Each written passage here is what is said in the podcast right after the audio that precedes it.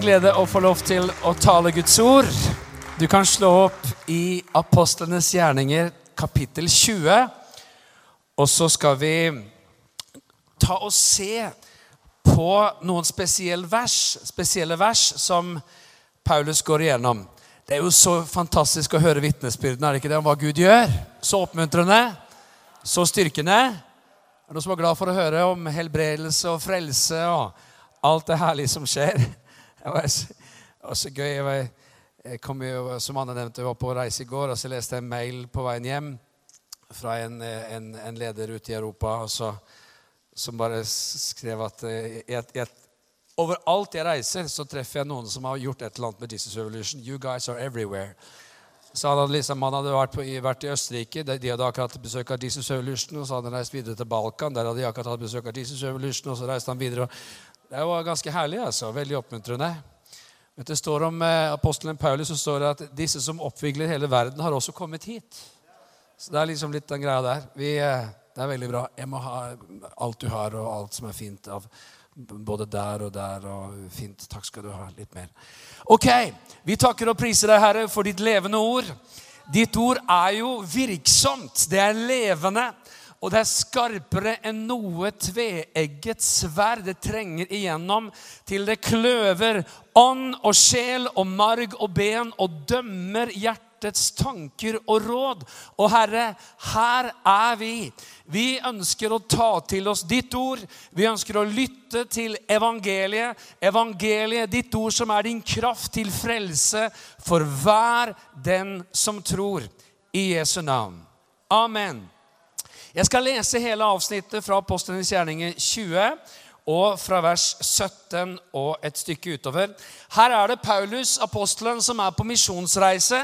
Og han har nå kommet til et område hvor han kaller til seg de eldste fra Efesus. Og vi leser i vers 17 om det som skjer når han taler til dem. Fra Milet sendte han da bud til Efesus og kalte til seg menighetens eldste.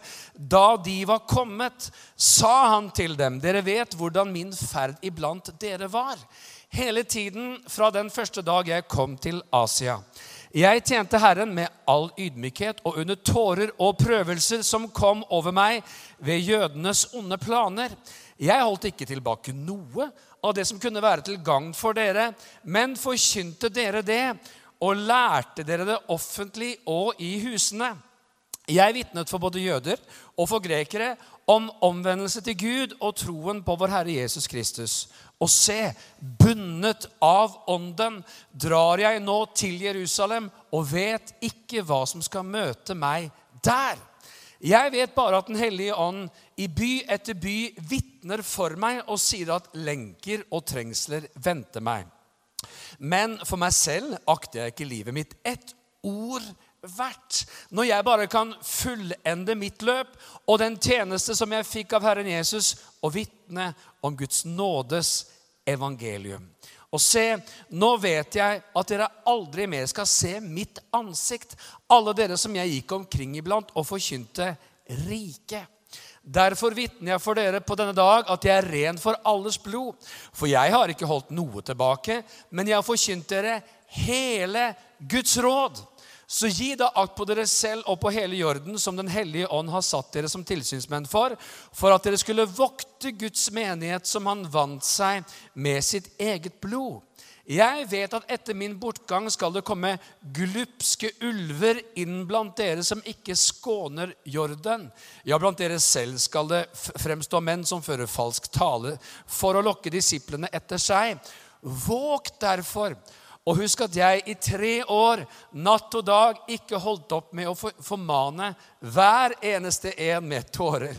Og nå overgir jeg det til Gud og Hans nådes ord, Han som er mektig til å oppbygge dere og gi dere arv sammen med alle dem som er blitt helliget. Og resten av kapittelet leste Anne til kollekten, så det trenger jo ikke jeg ta nå. Det her er ganske interessant fordi han kaller til seg en gruppe med ledere i Efesus, og så sier han det her er siste gangen jeg treffer dere, folkens. Så det er en kjempespesiell tale. Jeg kommer ikke til å se dere mer. Det er jo, det er utrolig spesielt. Og du, De følger med. altså. De skjønner at det som kommer nå, det er viktig. Det er skikkelig betydningsfullt. Så det jeg har lyst til å gjøre her nå, er å bare se litt inn på disse versene. Se hva er det egentlig han sier til dem, hva er det han taler til dem? Hva ligger på hans hjerte å tale til disse lederne? Og det første Han sier, han har jo vært med efeserne i tre år. og Jeg har ikke tid til å ta detaljene rundt alt som skjedde der, men i tre år har han vært og tjent i Efesus. Og det første han sier i vers 19, det er Jeg tjente Herren med all ydmykhet og under tårer og prøvelser som kom over meg ved jødenes onde planer. Det han sier her, er at det har vært tøft, folkens. Han er liksom ikke en skuespiller. Han er ikke en som pakker ting inn. Han er ikke en som bare vil at ting skal framstå fantastisk. Han er veldig ærlig og veldig åpen på at det å stå i tjeneste, folkens, det har vært skikkelig tøft. Og det har vært tårer, og det har vært prøvelser. Det interessante er at Jeg kom jo akkurat hjem fra en reise hvor jeg har vært i Balkan. Og Det er jo noen av disse områdene som også Paulus reiste. F.eks. Makedonia. Han var i Dalmatia, som er dagens Kroatia-kyst osv. Eh, og det var jo folk fra både Kroatia og Makedonia som var til stede. Det var folk fra Kosovo, det var fra Albania, det var folk fra Serbia, selvfølgelig, fra Slovenia, eh, fra Montenegro. Og det var så spesielt å være sammen. Vi var kanskje 100 ledere fra ulike kanter av Balkan. Og det å få høre dem dele så åpenhjertig om deres kamper, om deres tårer, om deres prøvelser. Og jeg tenkte, vet du hva? Det hadde egentlig vært godt for alle pastorer i Norge og alle ledere i Norge og alle medarbeidere og egentlig alle kristne i vårt land her å liksom bare være til stede. Sitte ned og prate.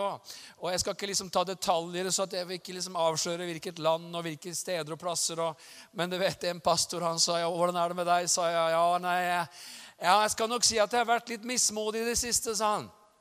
Å, har det vært det? Ja, nei, for, for på sommeren så er vi liksom en 15, 20, 15 stykker, 10-15 av og til på en spesiell dag, kanskje til og med 20. men men det er liksom ingen jobb på vinteren. Det er liksom bare på sommeren det er jobb å få. Så, så nå i, i, hele vinter så har jeg prekt for to og tre. liksom. Jeg har aldri visst kommer det to i dag eller kommer det tre i dag. Og det er klart at jeg, jeg kjenner jo liksom på at mismotet kommer litt. Og jeg tenkte, kjære Gud i himmelen, altså, for en trofast sjel som bare preker og forbereder seg og deler og underviser og gir alt til et par-tre stykker i et eller annet land på Balkan. En annen pastor han sa at eh, i mitt land så er det gjort en undersøkelse ganske nylig eh, om hvor mange pånyttfødte troende det er. Og det som er spesielt, sa han det er at når man gjorde den undersøkelsen for en 15 år siden, så, så sa han det er kanskje 30 000 pånyttfødte. Men så gjorde man denne undersøkelsen igjen nå for bare et, et, et år siden. Og da hadde det sunket til 13 000 fra 30 000. Og det var pga. emigrasjon. Han sa det er ikke håp. Det fins ingen framtidsutsikter. Så, så du, er du litt tak i deg og du tenker du har muligheten til å få deg jobb eller mulighet til et annet sted, så forsvinner du fra landet som det første du kan. En annen pastor fra et tredje land han sa det at eh, min datter var akkurat ferdig med videregående skole. og og, og, og, og, eh, læreren han spurte liksom på siste dagen og sa liksom OK, klassen på 30, er det noen av dere som har tanker om å forlate landet?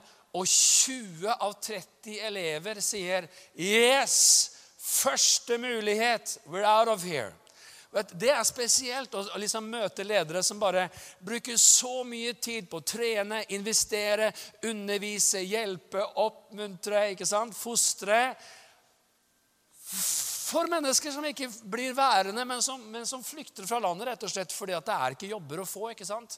Eh, I et land så, så, så, var det en pastor som sa at ja, eh, de offisielle tallene i mitt land det er 7 arbeidsledighet. Men, men, alle vi som er ledere i landet, vi vet at det, man kan legge null til bak det tallet der. Det er 70% som ikke har jobb å gå til. Og du vet at Man sitter der og tenker 'Kjære Gud i himmelen, jeg, jeg, må, jeg, kan jo ikke klage en dag til i mitt liv'. Skjønner du hva jeg mener? Altså, Vi, vi, vet, vi som bor her, vet du, vi, vi, har vunnet i Lotto hele gjengen. Vi er lottovinnere. altså. Det, det, det, og det skal vi være glad for. Og vi skal være så glad for vi får bo i Norge. Særlig hvis vi er takknemlige for det. Fordi det er så viktig også at vi forstår at Jesus han har jo én kropp. Han har ikke mange kropper. Han har én kropp. Og Bibelen sier noe om at hvis ett lem lider, så lider de andre lemmene med. Og, Derfor så er det, er det sånn at vi er kalt til det her. Vi er kalt til å lide med de som lider. Og du vet, det her er Europa. Det er vårt kontinent. vet Jeg Jeg satt meg på fly i går kveld. To timer og 45 minutter direkte flight med Norwegian fra Beograd. Og så er jeg hjemme igjen. Men det er jo, det er jo ikke langt borte i det hele tatt. Og jeg er så glad for det vi er, i hvert fall er i gang med å gjøre lite grann. Jeg er så glad for at vi i hvert fall begynner å sende team. Jeg er så glad for at det starter en misjonsbase med Jesus Revolution i Bulgaria til høsten, som skal stå sammen med menighetene på Balkan. Jeg er så glad for og vet du hva? Det er så gode vitnesbyrd fra, fra dere teamene som har vært der også. Jeg møter den ene pastoren etter den andre som sier Takk for at dere sender team. Dere skal, vi hadde en gjeng med ungdommer som var i Roma i sommer.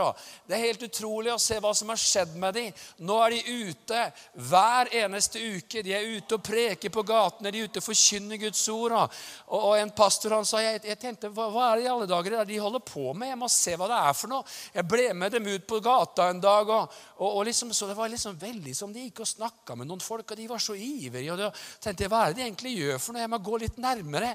Og jammen sto de der og prekte.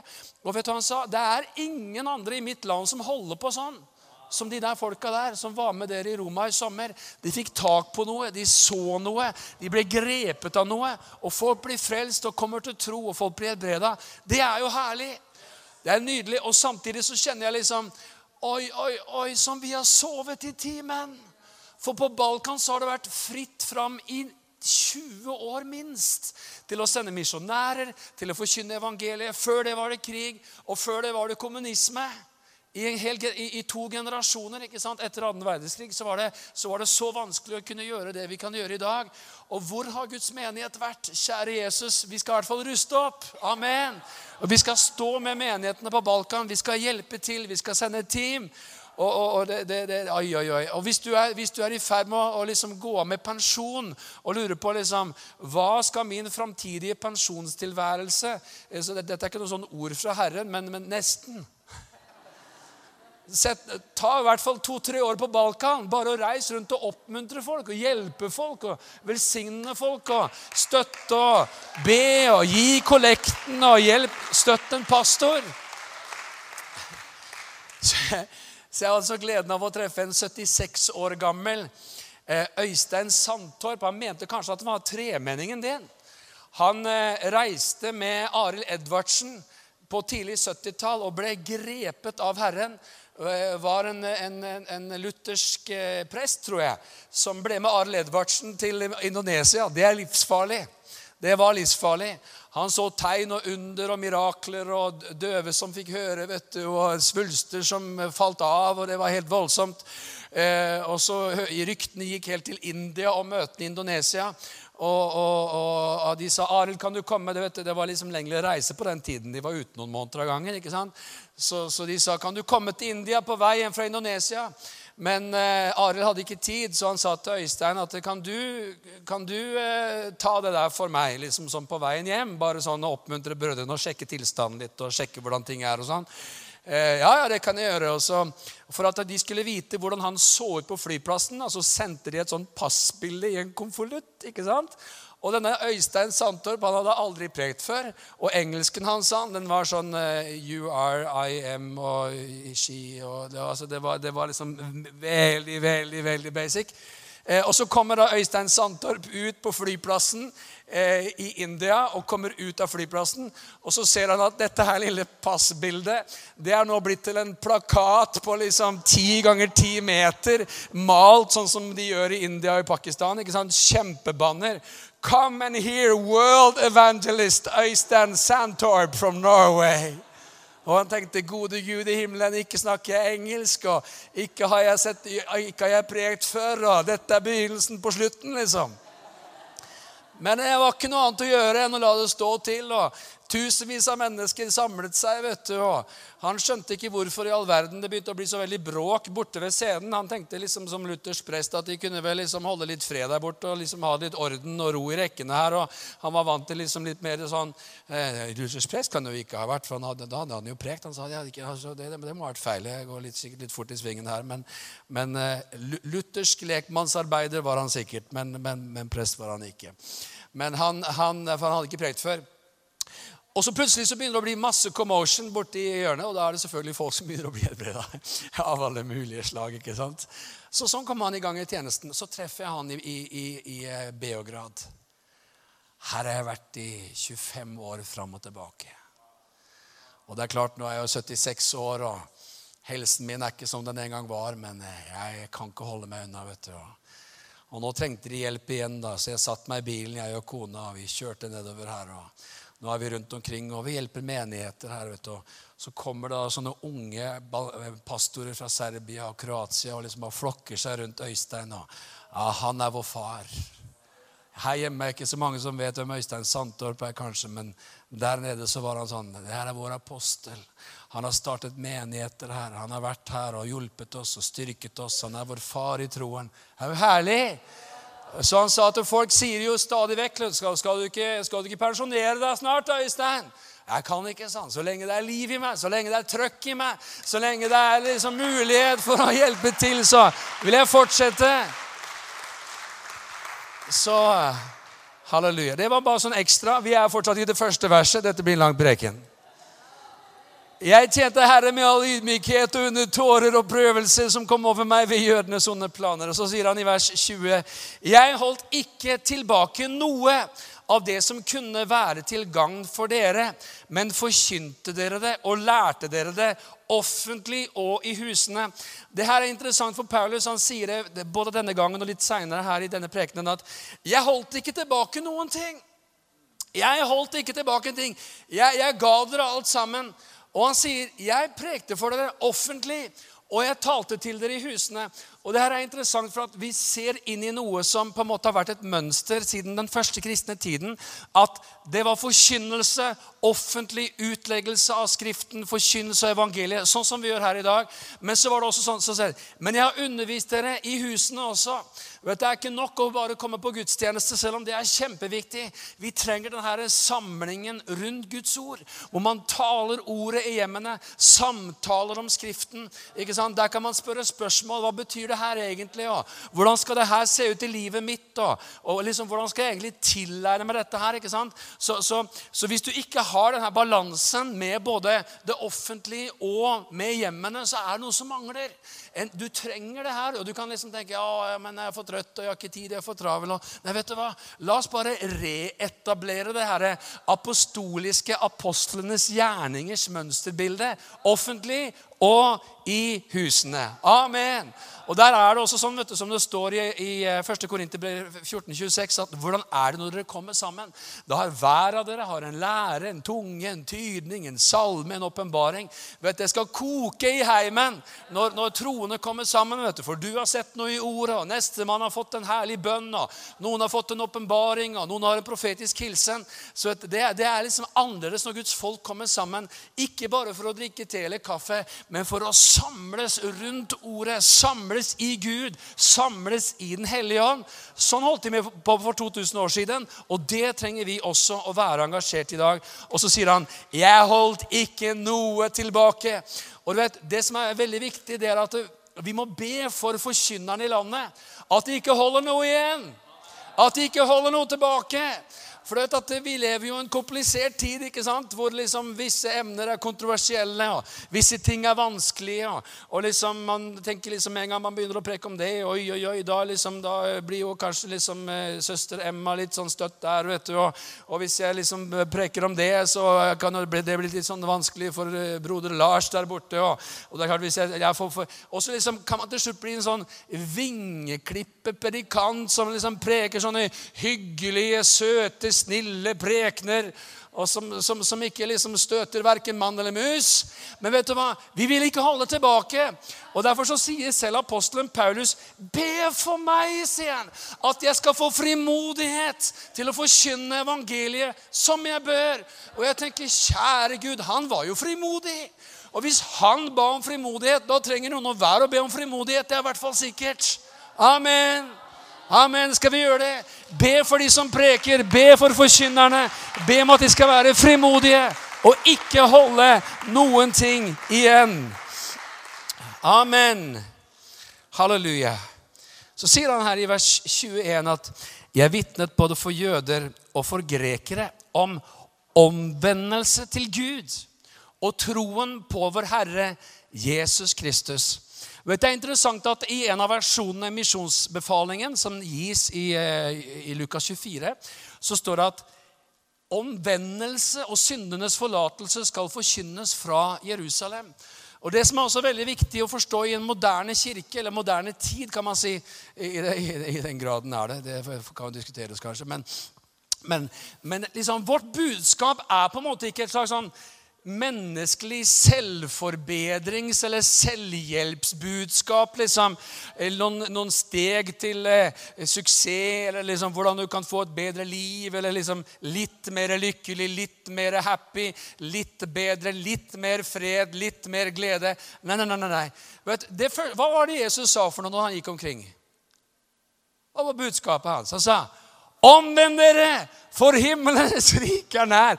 Hvis man sier sånt nå, så tenker jo folk du er helt sprø. vet du. Omvend dere. Liksom. Var det omvend eder? ikke sant? Hva er det her for noe greier? Liksom sånn turn, turn or burn-greie? liksom. Altså, Det fins en sånn, en, en sånn eh, motstand mot et sånt budskap. Og det, selvfølgelig kan man finne kreative og gode måter å preke det på. og sånn. Det er liksom ikke sikkert det du skal stå og rope 'omvend eder' på bussen. liksom. Du kan heller snakke med han som sitter ved siden av. Men, men liksom, det er noe allikevel med evangeliet. Det er liksom ikke 'get a nicer life', få et hyggeligere liv, liksom, få liksom Nei, det er å vende om det er å vende om. Og hva er det å vende om? Jo, det er jo å snu. Det er å gå i en helt annen retning. Du er i ferd med å gå i den retningen. Den retningen leder til fortapelse, leder, leder bort ifra Herren, leder til evig atskillelse fra Gud. Du må vende om fra den veien, og så må du gå på den veien som er smal. Gjennom den porten som er trang. For trang er den port, og smal er den vei som leder til livet. Amen. Så det her er vårt budskap. vet du. Det er en sånn icebreaker på, på lunsjen, egentlig. Apropos det å ha kors rundt halsen og sånn. Det, jeg syns det er så fint at man kan vende om med, folkens. Hæ? Hva er det du snakker om for noe? Er det fint det her at man kan vende om? Vet du, du kan jo dra en så liten, sånn liten du vet, Det heter jo i fjellvettreglene at det er ingen skam å snu. Er, alle nordmenn kjenner til fjellvettreglene. vet du. Vet, det, det, jo, det, det, sier jo veldig mye om Norge, egentlig. Sånn, det, får man jo forklare for folk som er nye i landet. sånt, At vi har noe som heter fjellvettregler. Eh, du har kommet til et spesielt land. I dette landet så finnes det noe som heter fjellvettregler. Gud velsigne tolken. Fjellvettregler. Og en av de er eh, grav deg ned i tide. Altså, det sier alt om Norge. ikke sant? Det er ingen skam å snu. Grav deg ned i tide. Så det, vet, det er, Vi er nær Nordpolen her. vet du. Halleluja. Glory to God. Men ok, men det var ikke den fjellvettregelen vi skulle ta nå. Det er ingen skam å snu. Det er ingen skam å snu. Det skjønner vi at liksom det er, blir uvær og det er dårlig og liksom dårlig sikt. og Nå gjelder det å snu. Vet Du hva? Du kan snu i livet. Du kan vende om. Du trenger jo ikke fortsette som du lever nå. Det fins et annet liv. Det fins en annen vei. Det fins nåde å få. Amen. Omvendelse til Gud og tro på vår Herre Jesus Kristus. Så i vers 22 og 23 så står det Se, bundet av ånden drar jeg nå til Jerusalem og vet ikke hva som skal møte meg der. Jeg vet bare at Den hellige ånd i by etter by vitner for meg og sier at lenker og trengsler venter meg. Det var veldig spesielt med Paulus, egentlig. fordi at overalt hvor han kom, så fikk han profetiske ord. Og det var liksom sånn Paulus, du kommer til å bli fange. Paulus, du kommer til å bli bundet. Paulus, du kommer til å bli tatt til fange. I Jerusalem. Men Paulus sier 'jeg skal til Jerusalem'. Ja, Men du kommer til å bli tatt til fange. Ikke dra dit, Paulus. Ja, men eh, jeg, jeg skal til Jerusalem. Han var litt, sånn, litt egenrådig, kanskje.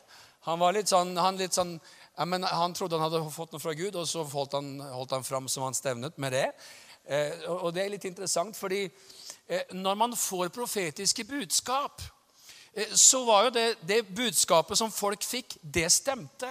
Det var 'Du kommer til å bli tatt til fange'. Du kommer til å bli bundet. Men deres tolkning av det budskapet var ikke rett. De, de, de, hørte i ånden det som var riktig. Du blir tatt til fange. Så tenkte de han må ikke dra. Men greia var han ble tatt til fange. Han, han skulle bli tatt til fange, og han skulle dra. Altså, Ordet var riktig, men tolkningen var feil. Og det, Dette er bare sånn ekstra undervisning sånn ekstra innimellom, innimellom. At når man får et profetisk ord, så gjelder det å stoppe i tide. Det gjelder å på en måte bare levere det inntrykket man får, den tanken man får, det ordet man får, litt sånn rått og uhøvlet, uten å forsøke å liksom tenke Og det jeg tror det betyr eller, ikke sant? Med en gang man liksom begynner å løpe etter at eh, salvelsen har, har, opphørt i det ordet, eller, eller, liksom det er ikke mer noe flow på det ordet, og så fortsetter man videre, og så kan man begynne, kan man begynne i ånd, og så slutter man i kjøtt. Og så sitter, den, skjermen, så sitter et menneske igjen og tenker kjære venner, nå er jeg kjempeforvirret, for jeg kjente jo at Guds ånd beveget seg her, og det var masse godt fra Herren her, og, og samtidig så skjønte jeg jo ingenting av det her siste greiene. hva i alle dager var det. Så da gjelder det å liksom stoppe i tide. Ok? Amen. Det var, det var ekstra bonus. Halleluja. Amen. Men så står det videre i vers 24.: Men for meg selv akter jeg ikke livet mitt et ord verdt. Når jeg bare kan fullføre mitt løp og den tjeneste som jeg fikk av den Herre Jesus, og vitne om Guds nådes evangelium. Og her er det så mye fint. Men, men, først og fremst så sier han at det, folkens, det er én ting som gjelder for meg. Hva er det for noe, da? Fullføre løpet mitt. Vet du hva? Det er et løp. Du har et løp, jeg har et løp. Alle har et løp. Og det løpet, det skal vi fullføre. Det løpet skal du fullføre. Ja, Det begynte ikke så bra, sier du kanskje. Ja, Men du skjønner, det er ikke det viktigste. Du kan, kan, det, det, du kan, begynne å snuble og falle og rote og tulle, men, men det er ikke ferdig ennå.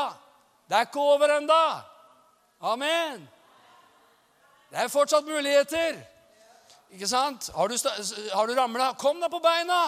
Om jeg har falt igjen. Kom deg på beina igjen! Om jeg har rota det til. Ja, men ikke bli liggende. Ikke sant? Det er så herlig at det fins et løp som man skal kunne fullføre. Det er ikke hvordan du begynner som er det viktigste. Det er å fullføre løpet. Og vet du hva? Det er aldri for sent å forandre kursen i livet sitt. Den onde vet du, han kommer og sier ja, det er for seint for deg. Ja, du har kasta bort så mange år. Du har bare rota bort så mange år. Du har vært på sporet på årevis. Du, nå får du bare liksom prøve å liksom, eh, karre deg sammen her og prøve å liksom skrape sammen restene. og prøve å liksom holde, holde liksom. Nei, vet du hva? Det der er ikke Guds vei. Det her er ikke Guds ord. Guds ord det er Det fins nåde å få. Og Paulus han sier i samme sammenheng Jeg har holdt på med å forkynne Guds nådes evangelium. Jeg har vitnet om Guds nådes evangelium. Og gjett om han kunne vitne, da! Hallo! Om noen kunne vitne om Guds nådes evangelium, så var det Paulus. Og sånn forresten Det er så interessant å se hvem Gud kaller. Kan du se for deg liksom, Det er en sånn misjonsforening, misjonsorganisasjon, som får en sånn søknad til eh, stilling som omreisende misjonær i Romerriket. Har drept kristne. Har tvunget dem til å spotte i Jesu navn. Sånn. På min første reise så gjorde jeg en fyr blind. Altså det, det, var litt sånn, det, det, er en litt kjip CV, egentlig, en del av de tingene som liksom står på Paulus' liste. da. Sant? Har forfulgt de kristne også utenlands. Fikk brev fra eh, det her virker som en brysom fyr. Vi, han kvalifiserer ikke. Han har liksom ingen fin, vakker CV. Han har mye rot med han fyren der. Det blir liksom ikke så trygge og gode rammer. Det kan, det kan, vi kan få et dårlig rykte for misjonsvirksomheten vår her nå. Så vi, vi, vi, det, vi ser det neste i bunken. Nei, vet du hva? Herren Jesus er full av nåde. Han er all nådes Gud. Hans overskrift over våre liv, over ditt liv, over mitt liv, det er nåde Amen. Han ser oss gjennom nåde. Så det dummeste vi gjør, er jo å bli liggende i grøfta. Nei, nåden sier, 'Jeg hjelper deg opp. Jeg styrker deg. Kom igjen, du klarer det. Jeg løfter deg, jeg bærer deg, jeg velsigner deg, jeg styrker deg. Og vet du hva, noen av dere som er her, det spiller ingen rolle om du er 20, eller om du er 40, eller om du er 80, så trenger Herren å oppmuntre deg og si, det fins mer for deg. Det fins mer for deg. Han har mer for deg. Han har mer i ditt løp. Han har mer i godhet. Han har mer i nåde. Han har mer velsignelse. Han har mer i gaver. Han har mer for deg. Han har så mye, mye mer for deg. Amen. Halleluja! Vet, av og til så kan vi ende med å gå litt sånn i svime. ikke sant? Nei, vet du hva? Det fins mer. Det fins mer. Er ikke bra nok, det jeg har Det er ikke det jeg sa. Jeg sa det fins mer. Han kjente kjent meg liksom litt fordømt for liksom det. Å, nei, nei, nei, glem nå det, da. Det er bare godt, det her. Det fins mer. Halleluja. Nesten så vi switcher til sånn texaner. It ain't over yet. Halleluja. Amen. Ok. Og se Nå vet jeg at dere aldri mer skal se mitt ansikt, alle dere som jeg gikk omkring iblant, sier han i vers 25, og forkynte riket. Han forkynte riket. Det syns jeg er interessant. Det gjorde jo Jesus. Han hadde jo lært av Jesus. Omvend dere. Tro på evangeliet. Omvend dere, sa Jesus, for himlenes rike har kommet nær. Himlenes rike er i dere, sa Jesus. Det er interessant det at når man blir en kristen, så blir man borger av et annet rike. Paulus han talte om evangeliet, om riket. Et rike som bygger på andre lover, på andre prinsipper. Et slags sånn opp-ned-rike. Vi har jo visse lover i kongeriket Norge, de er vi glade for. I hvert fall mange av de. Ikke alle. Men Guds rikes lover står alltid over. Og Guds rike er et sånt omvendt rike. Gi, du skal få. Det er litt sånn annerledes. Noen kliner til deg. Vil du ha den nå? Ved andre kinn til. Det er litt sånn Noen vil ta jakka di. Eh, 'Du har lyst til å ha frakken nå. Vær så god.' Jesus-stilen er så annerledes. 'Nå må du gå med meg en mil.' 'Du, jeg tar to, jeg.' Altså, det, Guds rike er så annerledes. Hæ? Vil du være stor? Ohoi! Ja takk. Tjen. Har du lyst til å være en leder? Jeg har vært som en slave. Guds rike er opp ned. Og Paulus han satt med disse folkene hver dag, står det i Tyrannus skole, hver dag og samtalte med dem, talte med dem, og han forkynte dem om Guds rike. Tenk så attraktivt å få være en del av det riket, da. Hallo, folkens! Vet, vi trenger jo liksom å klype oss i armen og se oss i speilet og lese Bibelen og alt på en gang for å skjønne hvor godt og velsignet det er at vi er en del av et rike. Og så liksom holder den onde på med sånne kjipe greier. Det er liksom akkurat som at du har, du, du har fått en sånn fantastisk kappe, vet du, kledd i Guds rettferdighet, kledd i Guds nåde. Og, og så, så, kommer det liksom du, Det skinner av deg. Du er liksom full av liv. Og så kommer den onde og vil liksom bytte ut det du har, med en sånn kjip kopi, kjip etterligning, noe sånn grått og trist. Tenk deg den onde da, som prøver å si at det er, er mye kulere der ute i verden. skjønner jeg. Mye kulere å holde på å synde og feste og mye kulere Nei, vet du hva?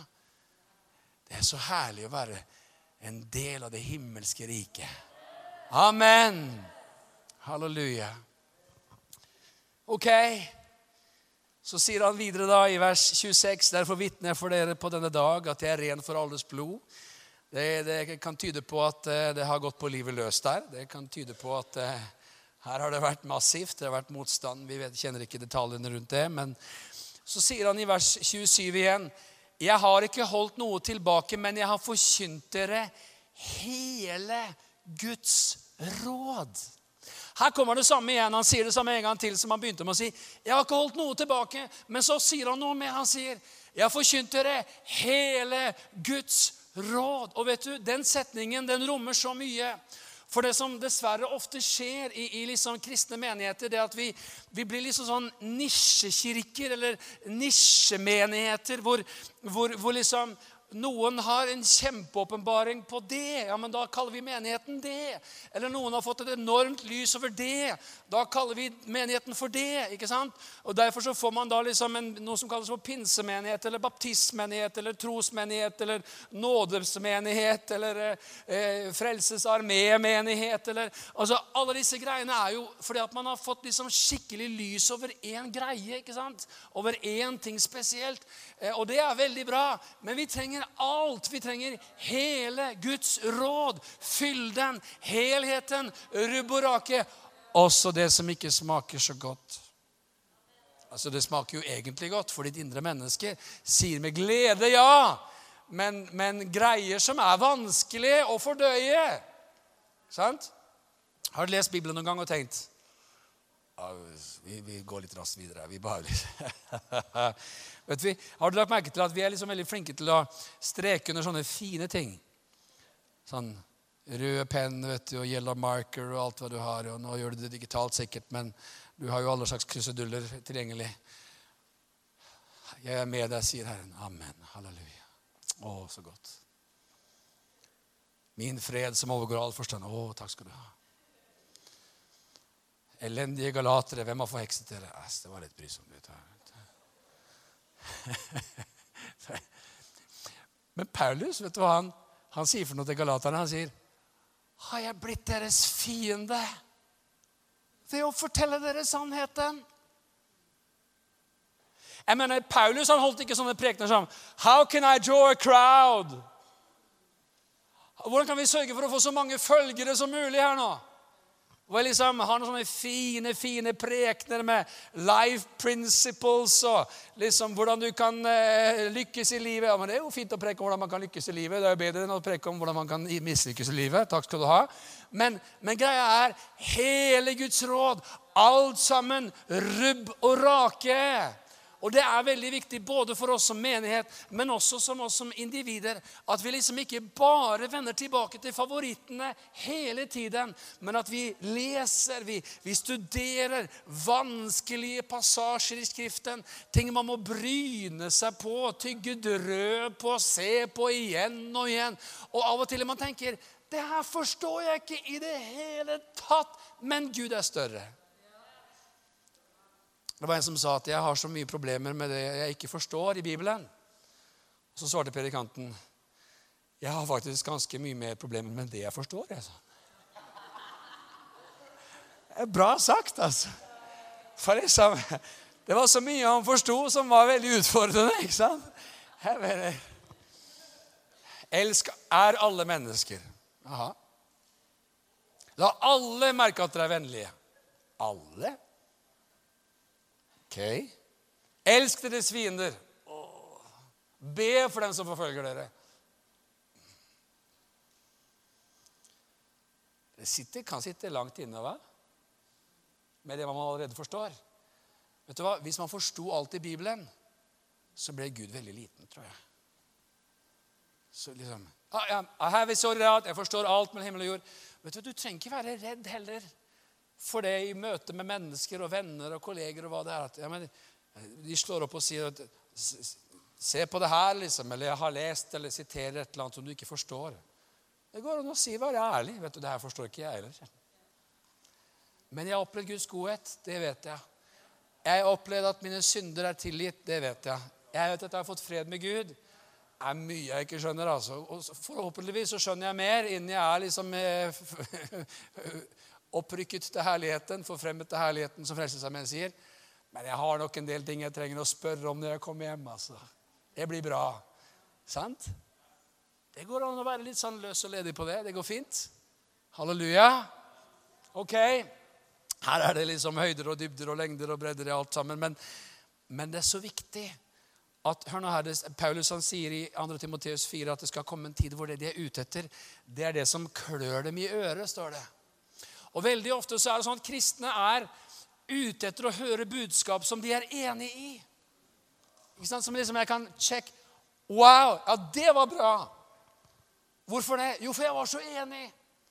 Kanskje du, det, det du trenger mest, av og til i hvert fall, er å kjenne at Oi, her tok det ordet som vi begynte med å be om i dag, som er skarpere enn noe tveget sverd, som trenger igjennom til det kløver ånd og sjel og marg og ben og dømmer hjertets tanker og råd osv. At i møte med Guds ord så kan man kjenne seg dypt utfordret til tider. Og det er bra. Amen. Thank you. Thank you. Thank you. Ok. Vi får bare så vidt gå innom de siste versene her, men jeg skal prøve å si noe om det også. Vers 28. Så gi deg akt på dere selv og på hele jorden, altså hele flokken, som Den hellige ånd har satt dere som tilsynsmenn for, for at dere skal vokte Guds menighet, som han vant seg med sitt eget blod. Så Det står jo også her at menigheten, menighetene har tilsynsmenn, altså har tilsyn, ledere som eh, og Det er litt interessant også, for det står at de skal vokte Guds menighet. står det. Og så står det i neste vers at jeg vet at etter min bortgang skal det komme glupende ulver, eller glupske ulver iblant dere, som ikke skåner jorden. Eh, nå, nå, bor jo vi i Norge, og vi har jo ulv utenfor Oslo. Og noen kan liksom tenke dette er veldig bokstavelig. Eh, hvem vet, liksom, I Nordmarkskapellet i hvert fall, så kan det komme ulver. Det er, det er teoretisk mulig. Men, men, det taler jo om noe litt annet da, i overført betydning. Men det er interessant at liksom Paulus han sier, hør nå her, snart så drar jeg fra dere. Og da har dere fått en oppgave her. Det er å passe på, vokte, beskytte, bevare menigheten. For det kommer til å komme ulver, sikkert da i fåreklær, ikke sant? Yes, som vil forsøke å stjele, som vil forsøke å ødelegge, som vil forsøke og, og, og du vet, Det som er interessant, det er det her at hvis man tenker på hyrden vet du, eh, Hyrden har hyrdestaver. Og hyrdes med hyrdestaven så viser man vei. Sier man 'Vi går den veien her.' Ikke sant? Samtidig så fins det en funksjon som er å holde røvere og ulver og fienden ute. Viktig. Viktig. Det her er litt fremmed for oss. Det er litt sånn fremmed språk egentlig i en veldig individualistisk tid. Vi er veldig takknemlige for å være individer. Vi er veldig glad for at vårt forhold til Gud er personlig. Men det fins en fare i, i, i, vår tid, og det er at vi blir sånn koldtbordkristne. Sant? Ja, det der rådet du ga der, det var fint. Det tar jeg. For det, det Halleluja. Wow, det var ui, Det rådet der nei, nei, det, jeg, jeg, hører heller på han. Sant? At jeg liksom jeg bare designer litt sånn min egen tro og mitt eget liv og min egen filosofi, og så blir det litt sånn som det passer mitt liv, og som bekrefter meg og mine valg. Skal jeg, skal jeg driste meg til å sitere en kirkefader, en sånn gammel kirkefader som sa Å være sin egen åndelige veileder er den største glede man kan gi demonene. Det var ikke mitt sitat, det var en sånn kirkefader. Den, den skal bare få henge der. Det skal liksom bare få ligge der. Det er interessant. Jeg blir frista til å si en liten ting. For det, det er rart hvor skråsikre vi kan være, vi kristne. Særlig karismatikere. Gud har sagt. Ja, men Guds ord sier jo noe annet. Ja, ja, men Gud har sagt. Er det Gud som er forvirret her, eller er det du som er forvirret, eller? Ja, Gud har sagt til meg at sånn og sånn og Ja, men uh, ordet sier noe helt annet. Ja, nei, men jeg kjenner veldig Har du lagt merke til at det kan være av og til litt krevende, selv for den som har vært med Herren en god stund, å skjelne mellom alle lag som fins på innsiden? Hæ? Det er en øvelse som er for de trente. Altså, altså hør nå her, Av og til så trenger vi hjelp. Jeg trenger hjelp til å liksom Av alle de der tankene, alle de her greiene, alle disse inntrykkene Hvem av dem er Herren egentlig? For det er utrolig hvor mye greier som kan passere gjennom sinnet. På en dag eller en uke eller en måned. Og av og til så plukker vi en tanke i myriaden av tanker. Den er Gud. Ja, Men i går så tenkte du at Ja, men det var i går. Det er jo fascinerende når man har vært i fulltidstjeneste i 28 år og liksom møter fantastiske, vakre troende, men som opplever at Gud ombestemmer seg så fryktelig fort. Fordi i går så sa Gud det, men i dag så var man veldig sikker på at Gud sa det. Og det var noe helt annet som Gud sa i går.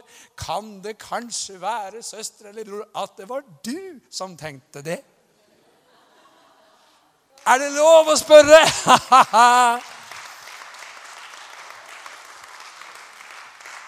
ja, men Hva er det du beskriver her? Du beskriver sånn åndelig overformynderi. som man skal liksom, ja, Skal jeg gå og spørre en eller annen fyr? Det er så fantastisk at eh, Guds ord sier at det skal komme en tid, det skal komme en ny pakt hvor ingen skal si 'kjenn Herren', for alle skal kjenne meg, fra den, fra den yngste til den største. Og vi skal ikke alle høre fra Gud.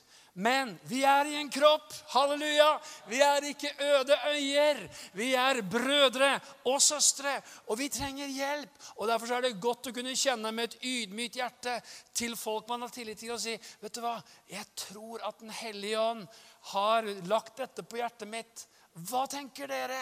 Tror dere jeg har hørt fra Gud her, eller? Og vet du hva jeg har bommet mest på i livet, eller? Timing. Åh. Om noen har hatt timingsblundere når det gjelder å høre fra Gud, så er det han fyren her. altså. Så utålmodig, vet du. Så ivrig. vet du. Gud taler. Det her skal dere gjøre. Yes! Kom igjen! Vi setter, lager en plan her nå, og så tar du det, og så går vi. Om ti år Å, det glemte jeg å Glemte å spørre når. En liten detalj. Av og til skal Den hellige ånd vise oss ting som ikke er for i dag. Han kan liksom gi oss inntrykk på innsiden, og som ligger årevis fram. Nei, men så kjipt, da. Nei, så bra, da. Ti år.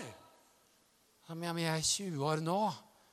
Ti år siden da var jeg ti år med regulering. Altså, Mener du at Gud kanskje har vist meg noe som ligger ti år fram? Ja, Det som er så fint, er at han gir oss glimt inn i framtiden. For å gi retning på livene våre, for å skape gudsfrykt og skjerpe og forståelse, så vi slipper å gå omveier. Men vi ser stykkevis og delt. Halleluja.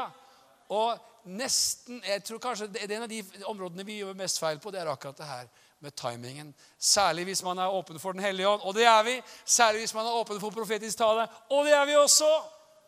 Og så glemmer vi ofte at Gud han har så fryktelig god tid. Fy, så god tid han har. Jeg syns han har altfor god tid til tider. Hæ? Moses visste han var kalt av Gud, han. Det ser vi i Stefanus preken i Apostelens gjerninger 7. Første oppdrag så liksom så tar han livet av egypteren. Og israelitten sier at 'Ja, ja, jeg er neste her'. Og Gud tenker 'Oi'.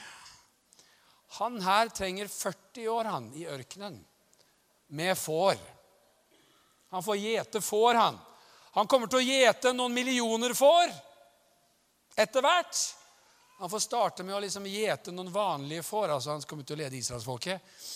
Om man tar livet av disse fårene ute i ørkenen, det går bra.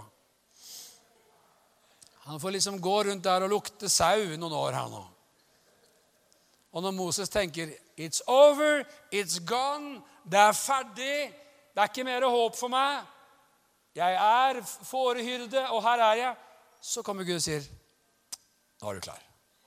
Og da er det gått så lang tid at han nekter. Det er interessant. Hæ? Han var jo så hissig på grøten som svenskene sier, at han kunne ikke holde seg unna. Men når det har gått 40 år, så sier Gud 'Nå er du klar.' Og, og Moses sier 'Nei'. Hæ? Det er, snakker om at Gud er nådes Gud. Hæ? Brennende tornebusk. Stikk hånden inn. Og da, ta hånden ut, spedalsk. Ta i staven din, slange. Jeg kaller deg, du skal gå. Nei. Han sier nei. Og Gud blir så sint! Du kan lese det selv. Det er kjempeinteressant. Det er så mye humor også i Bibelen, egentlig. Altså, Gud blir så sint. Og Moses sier, 'Jeg kan ikke tale'. Og Gud sier, 'Men det kan broren din. Det vet jeg.' Aron får tale. Jeg vil ikke allikevel. Han er så sta. Og til slutt så sier Gud har diskusjonen over. Han sier, 'Du går og du taler, og du skal være som Gud for Aron, og han får være som en profet. Ferdig med den saken. Farao neste! Av og til er Gud sånn. Men hva er poenget her? It takes some time, brother and sister.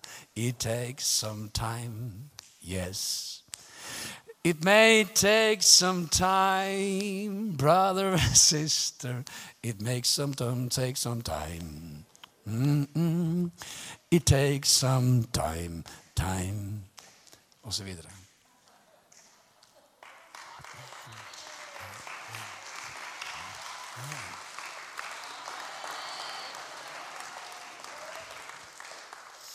Å, jeg kjenner jeg har en sånn veldig gave til å liksom lede i lovsang. Fantastisk! Vi trenger noen til å lede lovsang for tre- til femåringene. Altså, altså, det der Ja, ja, ja, det er godt mulig. Men først der.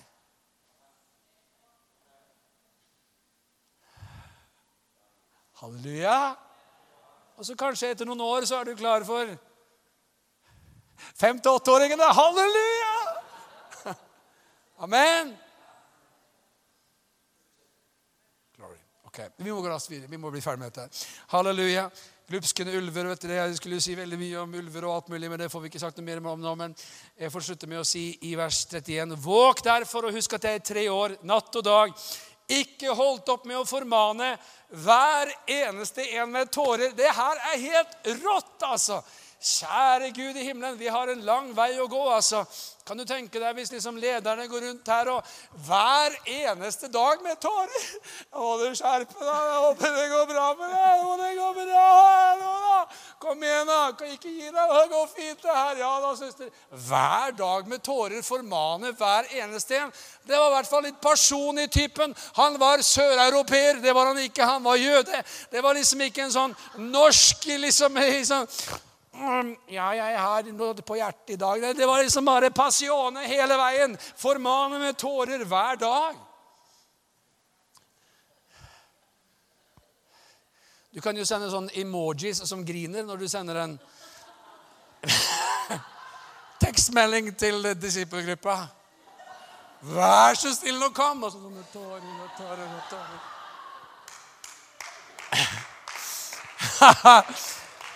Å, kjære, jeg tror han mener det. Han griner, liksom. Vi kommer til å ta så sterke virkemidler i bruk nå for å få deg på disippelgruppa. altså. Vi har prøvd i flere år nå. Du har ikke sagt ja ennå. vet du. Nå begynner vi, komme, vi kommer til å gråte nå. vet du. Kom her så snill og kom på disippelgruppa. Vi ber, og så kommer vi her.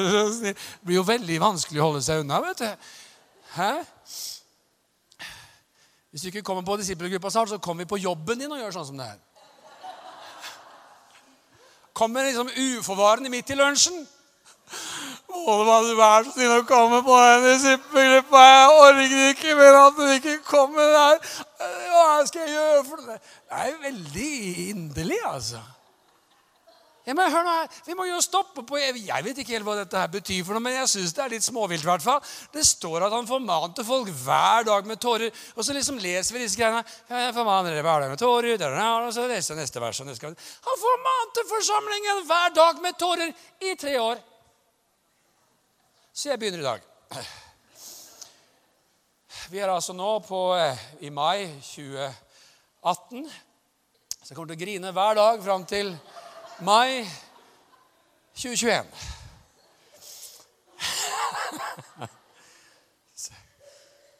Helt ærlig så tenker jeg personlig at det kanskje ville vært å bruke opp virkemidlene litt. Altså, men ok, det var Paulus.